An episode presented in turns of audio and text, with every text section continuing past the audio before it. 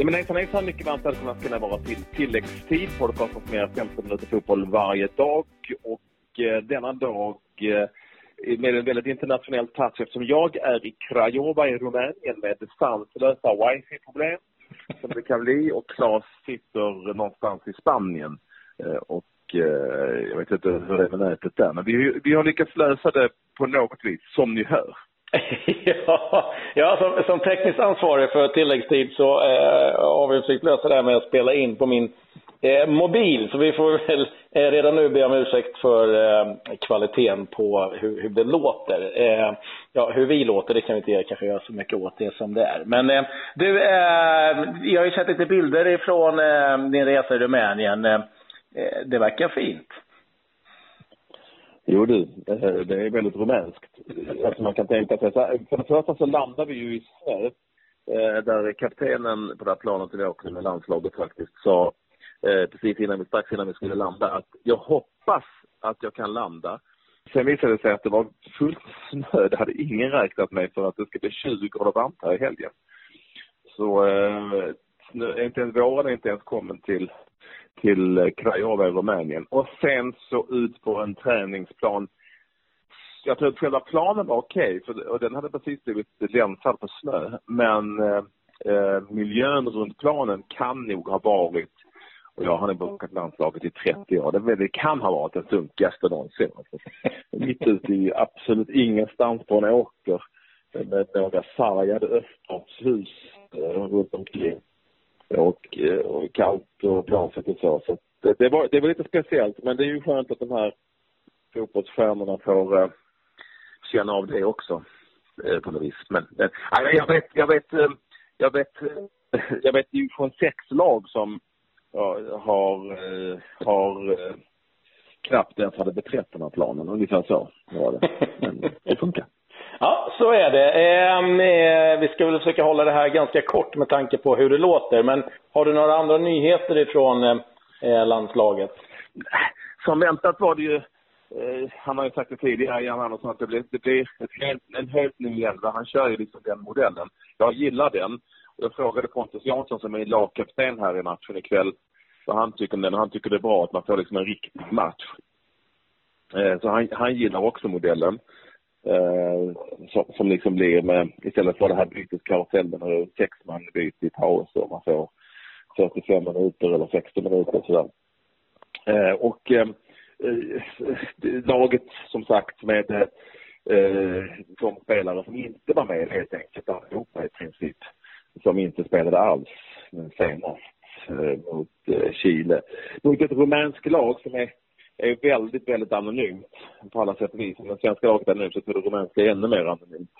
Eh, de missade ju VM ganska rejält också, Rumänien, och spelade match mot Israel häromdagen. Så de har också och haft massor med spelare igång för inte speciellt länge sedan. Varför den spelas i Krajova och inte Bukarest, det är för att arenan som man ska spela på här är toppmodern, helt ny, fantastisk. Men fruktansvärt dålig plan sägs det, så att det var därför Sverige fick träna där ute på en åker. Där planen ändå var okej. Okay. Så ungefär så ligger det till. Det är väl de nyheterna vi har. Det är, det är ett lag med eh, gott mod och väldigt härlig skön stämning, precis som vanligt eh, känns det som. De har fixat till det. Det, det verkar vara, vi åker med samma plan nu så vi kunde ju på något vis känna av det på, i, om någon sorts, i någon sorts närhet också. Ja, men det låter härligt. Det ska bli spännande att följa. Lite snabba nyheter kan jag väl dra härifrån då. Det är nu eh, klart att det är två stycken som har valt att ansöka att arrangera VM 2026. Det är Marocko och sen är det ett eh, bud tillsammans, USA, Kanada och Mexiko.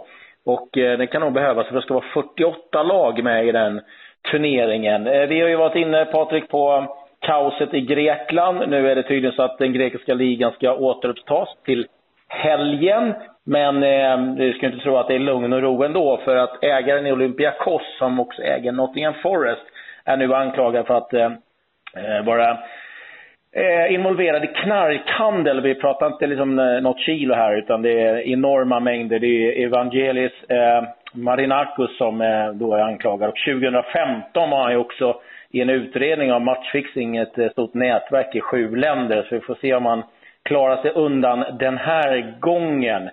Eh, lite annat, Mohamed Elneny eh, har valt att förlänga ett par år med Arsenal. Framgår inte hur länge, men ett långtidskontrakt. Så att, eh, lite nyheter då. Positiva sådana för Arsenal. På onsdag sägs det att Gennaro Gattuso, Milans tränare, ska eh, krita på ett eh, treårsavtal. Och eh, sen har det varit upptaktsträff också, Patrik, eh, Superettan. Och eh, alla, både media och tränarna, tror på Helsingborg. Och eh, eh Gais och, och Ham, eh, Halmstad har fått mycket röster också. Eh, det kan jag förstå. Eh, de två första lagen har gått väldigt bra. Inte minst i för Gais och Helsingborg slog AIK här. Det spelar nog viss roll när de släppt till att rösta kan jag tänka mig. Så det är nog ingen större skräll överhuvudtaget. En annan, på tal om vi nu ska ge oss ut i den eh, internationella fotbollen. Du vet, jag gillar att leta upp lite sköna matcher. Mm. Eh, vad, sägs om, vad sägs om den här träningsmatchen? Hur har de fått ihop den? Hur kom man fram till just den här träningsmatchen? Andorra, Ekvatorial Guinea. hur, hur, liksom, hur, hur gick det till? Ja, någon kände någon som kände någon, måste det vara. Ja. Ja, hur gick det då? Matchen blev Ja, den blev inställd eller uppskjuten, jag vet inte vad. Men den skulle ha spelats. Så att, jag hoppas inte det var för planens skull, så de reste stackarna från Ekvatorialguinea till, till uh, Andorra. Jag hoppas verkligen inte det. Nej, då, då är det bättre att spela på en risig plan än äh, ingen alls. Eh, jag måste få berätta, det här kan vara en nyhet som är lite gammal, men eh, jag skymtade förbi den här. Och det är en match i Serie D där Messinas målvakt eh, Armando Prisco eh, fick rött kort och det fick han för att han, han eh, valde att ställa sig och, och, och pissa bakom reklamskyltarna. Han eh, sa att eh, han brukar dricka två, tre liter om dagen och brukar gå på toa ganska ofta. Han kunde inte hålla sig eh, i den här matchen och eh, så var det ett byte så kände han att nu kan jag nu eh, gå bakom på reklamskyltarna och låtsas att jag stretchar. Och eh, alla såg det, eller alla gick på det utan en och det var domaren då. Så att det blev rött kort för eh, Armando. Men eh, ja, de lyckades hålla 0-0 i det här sicilianska derbyt mot eh, Egea Virtus. Så att bevar, håll, håll ögonen på stretchande målvakter. Man vet aldrig vad de håller på med. Nöden har ingen lag, säger men här hade det alltså. det är hårda bud att hålla fram det röda kortet där kan jag tycka. Men eh, ja, eh, han, han, får eh, dra ner lite på vattenintaget inför matcherna, målvakten helt enkelt.